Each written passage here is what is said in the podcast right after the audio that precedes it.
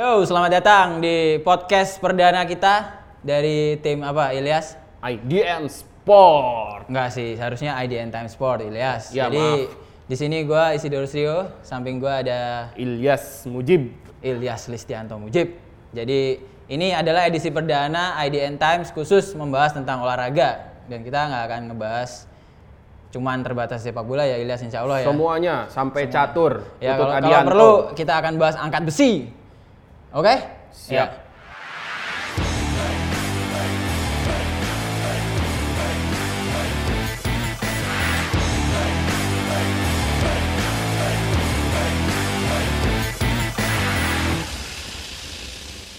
Oke, jadi di tema perdana IDN Time Sport Podcast kali ini kita akan membahas tentang peluang timnas Indonesia di SEA Games 2019. Nah, menurut Kang Ilyas sendiri gimana nih, Bro? Oke. Dalam tiga pertandingan yang udah dilaluin ya, saya lihat sih timnas punya permainan yang cukup baik. Cuma di pertandingan terakhir aja ya kemarin kita kurang beruntung. Jadi mungkin eh, di dua pertandingan sisa kita pun harus lebih kerja keras nih karena peluang kita masih sulit nih untuk lolos. Thailand kan poinnya sama nih. Kita sekarang ada di posisi dua. Ya minimal kita bisa menang lebih dari 5-0 lah di dua pertandingan itu. Kalau gua sih mikirnya ya masih mungkin lah optimis raih emas. Apalagi Indra Safri kemarin di sini ya. Yo yoi. Jadi kita percaya Indra Safri setelah ke IDN Media dia akan membawa pulang emas, mengulang capaian prestasi 28 tahun lalu insya Allah sih. Cuman kan gini Lias masalahnya. Kita kan kalah nih selisih gol plus gua lupa sih plus 8 sama plus 3 kalau nggak salah ya. Jarak plus 5. Jadi kan kita harus menang lawan Brunei itu 5-0 kalau bisa.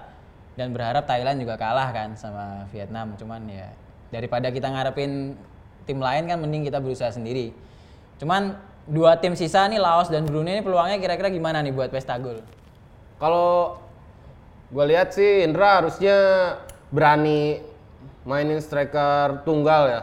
Karena dari tiga pertandingan yang udah dijalani nih, kayaknya Muhammad Rafli yang penampilan cukup oke di laga uji coba masih kurang kelihatan. Demam panggung kayaknya. Bisa jadi sih, karena ini kan debut pertama dia jadi seorang striker, terus debut pertama dia di eh, laga internasional lah, di kompetisi resmi.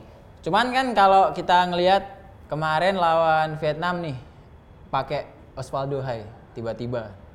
Osvaldo Hai, terus ada banyak perubahan Sani Rizky main, Evan nggak main, Egi nggak main. Itu menurut lu gimana tuh? Mempengaruhi nggak ke depannya? Kalau dilihat dari permainan terakhir sih kayak Ikram Mila itu Irham bro, Irham. iya Ikram Mila kan cadel, Bro. Ikram Mila itu kan ya ya. ya. bisa memberikan dampak yang cukup baik ya. Di luar Egi penampilannya juga nggak kalah bagus. Buktinya Vietnam aja di babak pertama dibuat kerepotan, Bro. Hmm, bener juga sih, masuk masuk. Cuman apa ya? Ada satu hal yang agak mengganggu sih sebenarnya. Jadi meskipun kita menang nih lawan Thailand 2-0, Singapura 2-0. Cuman kan skornya nggak mencolok gitu. Kayak misal Thailand menang lawan Singapura 3-0. Vietnam tuh menang lawan Brunei 6-0. Nah, menurut lo nih dengan kita udah tiga laga nih, kita baru cetak 5 gol. Kebobolan 2 ya. Nah menurut lo di sisa dua laga di mana kita harus banyak-banyakan gol kan hitungannya ngelawan Thailand. Prospek lini depan kita yang agak seret nih gimana sih? Asnawi aja nyumbang satu dari bek kanan. Kayak gitu. Nah, sebenarnya ini kan yang harus jadi warning Indra ya dari awal dia bawa pemain baru sampai sekarang dia kan nggak masukin satupun striker murni buat timnas. Eh, awalnya kan Beto yang digadang-gadang bakal masuk dan ternyata Beto cedera. Iya. Tapi di liga kayaknya masih main. Sepuh juga bro, 39, 38, 39 anjir. Nah, ya kita sih berharap banyak pemain-pemain tengah gitu lini kedua kita bisa ngasih apa ya effort lebih lah supaya mereka juga bisa lebih produktif entah itu dari dia memberikan kontribusi melalui umpan atau bisa mencetak gol. Yang penting sih pemain-pemain tengah kita bisa tampil lebih baik dibandingin laga-laga sebelumnya. Oke, terus kita ini melipir sebentar lah dari hal-hal yang teknis ya. Kita ngebahas yang santai-santai ini. Ya. Jadi dua dua dari tiga laga timnas di SEA Games ini ditonton sama idola kita semua, Bro. Maria Ozawa. Nah, menurut lo ini gimana nih? Dia bahkan di laga lawan Vietnam dia datang dengan dandanan yang wah, menurut gua cukup wah sih. Apakah ini jadi sisi yang menarik dari sisi pemberitaan, dari sisi semangat pemain mungkin kan mungkin ya kita nggak tahu ya mungkin masa kecil Egi dan kawan-kawan mungkin sama seperti kita juga nonton Maria Ozawa beraksi kita kan nggak tahu. Ya, Mungkin kalau untuk angkatan Egi, Maria Ozawa udah terlalu tua, Iya, Pak. mungkin ya. Jadi belum masuk lah, kecuali nonton yang lain. Cuma kalau untuk pemberitaan ya Maria Ozawa tetap seksi. Siapa pun pasti menulis tentang Maria Ozawa. Gue lihat dari eh, beberapa laman media mainstream yang liputan langsung ke sana nih, bahkan banyak yang bikin berita foto. Bahkan Bang Bes aja update loh sama dia. Iya. Idola idola Bang Bes dari masa muda. Mungkin seumuran kita sih Bang Bes kayaknya. Tapi kalau buat pemain sih nggak ada impact yang besar ya. Karena pemain juga kan handphonenya katanya Iya. agak-agak ditahan dan disimpan. Kecuali Maria Ozawa masuk ke dalam apa Ruang, ganti. Dan kita tidak akan tahu apa yang terjadi di sana. Nah, gitu. mungkin pemain bakal berlipat-lipat motivasinya. Iya, mungkin ya kalau gue sih membayangkan Maria Ozawa datang ke ruang ganti dan ya konnichiwa gitu. Terus awalnya mungkin menyapa dan setelahnya kita nggak tahu ya. Cuma semoga enggak ya. Terus sisi non teknis lagi nih, Ilyas. Jadi kemarin tuh kita lawan Thailand. Gua teman gua salah satu jurnalis Thailand juga bilang Nadeo Argawinata tuh mirip kayak Pak Riza Balaga. Jadi katanya ganteng, putih, dan tampan. Padahal Nadeo kan orang kelahiran Kediri, bro. Sedangkan Kepa lahir di Baske. Nah, menurut lo gimana nih sisi-sisi kayak gitu tuh? Kalau bilang dari fisik sih emang Nadeo terbaik lah. Paling Cuma Nadeo juga sebetulnya harus bisa membuktikan lagi lah kualitasnya. Apakah dia masih stabil dalam setiap pertandingan atau ya performanya naik turun. Kita tahu lah Nadeo anak muda. Tapi dari dulu ya, dari awal dua atau tiga tahun lalu, Nadeo tuh masih kiper cadangan nih di Borneo sampai sekarang ya perkembangannya cukup pesat. Itu mungkin berkat, latihan dari siapa? Pelatih Borneo tuh pelatih kiper. pelatih iya, yang asing itu ya, yang Ah, datengin itu. sama Bos Nabil. Wah, Bos terbaik Nabil. itu. Salut Bos Nabil kalau dengar ini uang Anda banyak, Bro. Salut Ya kami. bro, Bos Iya. Nabil katanya mau masuk Persib bro, jadi manajer musim Bos depan. Nabil. Kami bangga sama Bos Nabil, respect. Terus eh, kita lanjut ke hal-hal teknis lagi ya mungkin Ilyas ya. Kayak Oke, oke. Laos ini kan kemarin menang nih 3-0. Eh 5-0 malah lawan Brunei. Dan ada kan satu dari dua lawan yang akan kita hadapi itu Laos. Nah, dengan lini belakang kita yang agak rapuh lawan Vietnam nih kira-kira Laos akan memberi ancaman nggak? Karena kan kita nggak kita nggak bisa mentolerir satu kemasukan, dua kemasukan gol lagi. Kita harus menang telak 4-5-0 gitu. Sebenarnya eh, Indra Safri punya strategi yang baik ketika dia melawan tim-tim yang relatif kekuatannya lebih apa ya? Bukan meremehkan ya, lebih Lebih rendah. lebih rendah lah dibandingkan Indonesia levelnya. Kita lihat ketika kita lawan tim-tim ya semenjana lah kita bilang ya. Biasanya kita tampil begitu agresif dan banyak gol yang terjadi.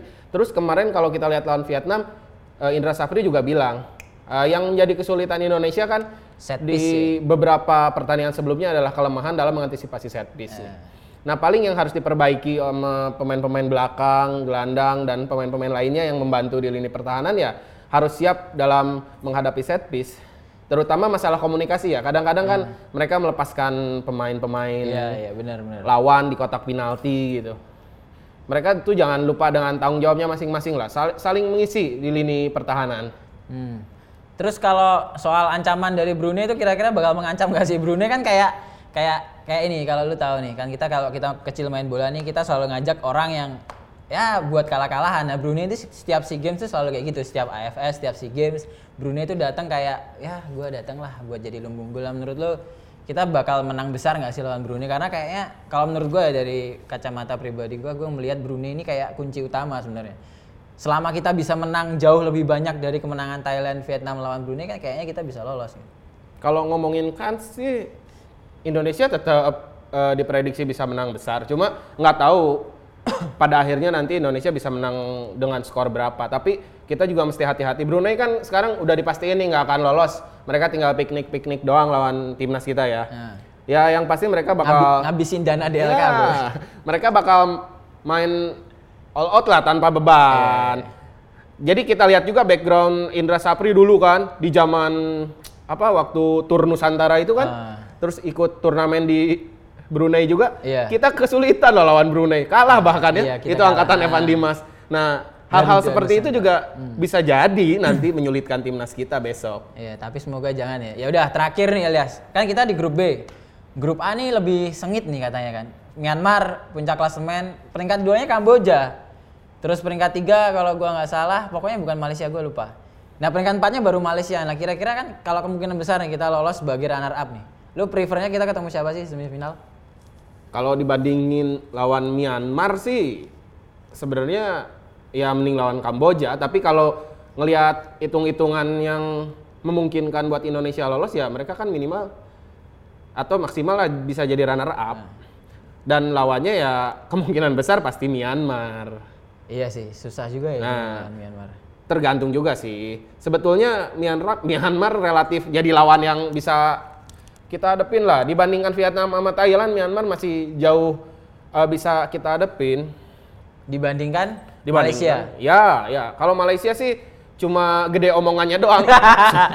tapi tapi kalau kalau kok gue prefer kita ketemu Malaysia karena ya kasus kayak kemarin kita kan wawancara Pak Menpora Pak Zainuddin Amali kan dia bilang sampai detik ini belum ada permintaan maaf dari Malaysia. Nah kalau kita ketemu lagi nih semifinal nih kan kayaknya bakal jadi sesuatu yang asik gitu. Menurut lo gimana kayak gitu gitu? ya paling hal-hal seperti itu jadi bumbu buat pertandingan. Cuma kalau lihat ke lapangan sih biasanya ketika kita menghadapi lawan-lawan yang dianggap punya greget sama masyarakat nih, timnas selalu di bawah ekspektasi. Iya. Apalagi kan kita dua laga terakhir nih berantem mulu. Singapura berantem tuh sama anaknya Fandi Ahmad. Iya. Kemarin berantem juga ribut-ribut nih kayak gitu mental kayak gitu tuh gimana tuh? Ya selama nggak di kartu sih mending berantem aja sebenarnya. nggak sih jangan. Ya pemain harus bisa nahan emosinya lah di lapangan. Biar penonton aja yang berantem. Berantem kayak tadi tuh yang pertandingan angkat besi. Iya, iya. Penontonnya berantem di live chat. Mendukung Pak Eko. Pak Eko Yuli Irawan untuk kalian ket- ketahui ya dia sukses mendapatkan medali emas dengan total angkatan berapa? 300 berapa? ya? Sembilan. Iya itu kalau lu bayangin dia bisa literally ngangkat Nmax gitu bro. Jadi Nmax orang dibuat dinaikin. Nah sama Eko Yuli di, diangkat bro. Lu mau ke mana diangkat. Nmax-nya sama lu juga di atas. Itu sekedar trivia karena kita juga tim sport kan membahas olahraga lain. Ya, makanya Eko Yuli ini dengar-dengar mau beli rumah di Dayakolot bro di Bandung. Karena di Dayakolot itu kan banjir nih. Makanya kalau banjir Eko Yuli angkat motornya. Dan itu programnya Bupati baru mungkin ya di sana. Oh, Kirain programnya wali kota yang suruh melihara ayam bro. Bukan, itu kan masuknya kabupaten, Iya, bro. Bupati baru mungkin nanti ngasih program eh, atlet angkat besi supaya nanti saat banjir bisa teratasi.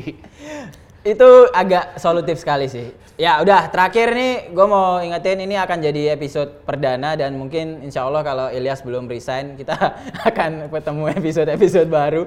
Jadi doakan saja podcast ini berumur panjang dan jangan lupa pantengin terus dan follow ya akun IDN Times Podcast Ah, di tapi ada Spotify. satu pesan nih buat eh, para pendengar nih nantinya anggap ini adalah podcast terakhir kami. Karena kalau kalian tidak mendengarkan ini, kapan lagi mendengarkan podcast dari kita? Dan kalau sepi kalian dengerin kita mungkin nggak lanjut podcastnya gitu. Jadi sebaiknya dengerin lah. Iya. Ya. Daripada nanti dibungkus sama Bu Pemret ya. Ya. Terus juga gue cukup kok masa lu nggak mau dengerin gue sih kan gue gunner lokal punya juga. Ya, kalau gunner lokal nantilah promonya di tempat lain ya. ya udah, yuk terima kasih sudah mendengarkan dan insya Allah kita berjumpa lagi di pembahasan timnas. Semoga kita kita ketemu lagi ya di semifinal atau di final atau di perayaan medali emas. Jadi tapi yang jelas podcast kita IDN Time Sport ini akan ada tiap minggu, tiap hari Selasa dan insya Allah akan diupdate juga. Jadi jangan lupa dengerin kita terus, support kita terus. Gitu ya, Yo, Ilyas ya. sampai jumpa minggu Yuk, depan. sampai jumpa, sampurasun. Salam olahraga.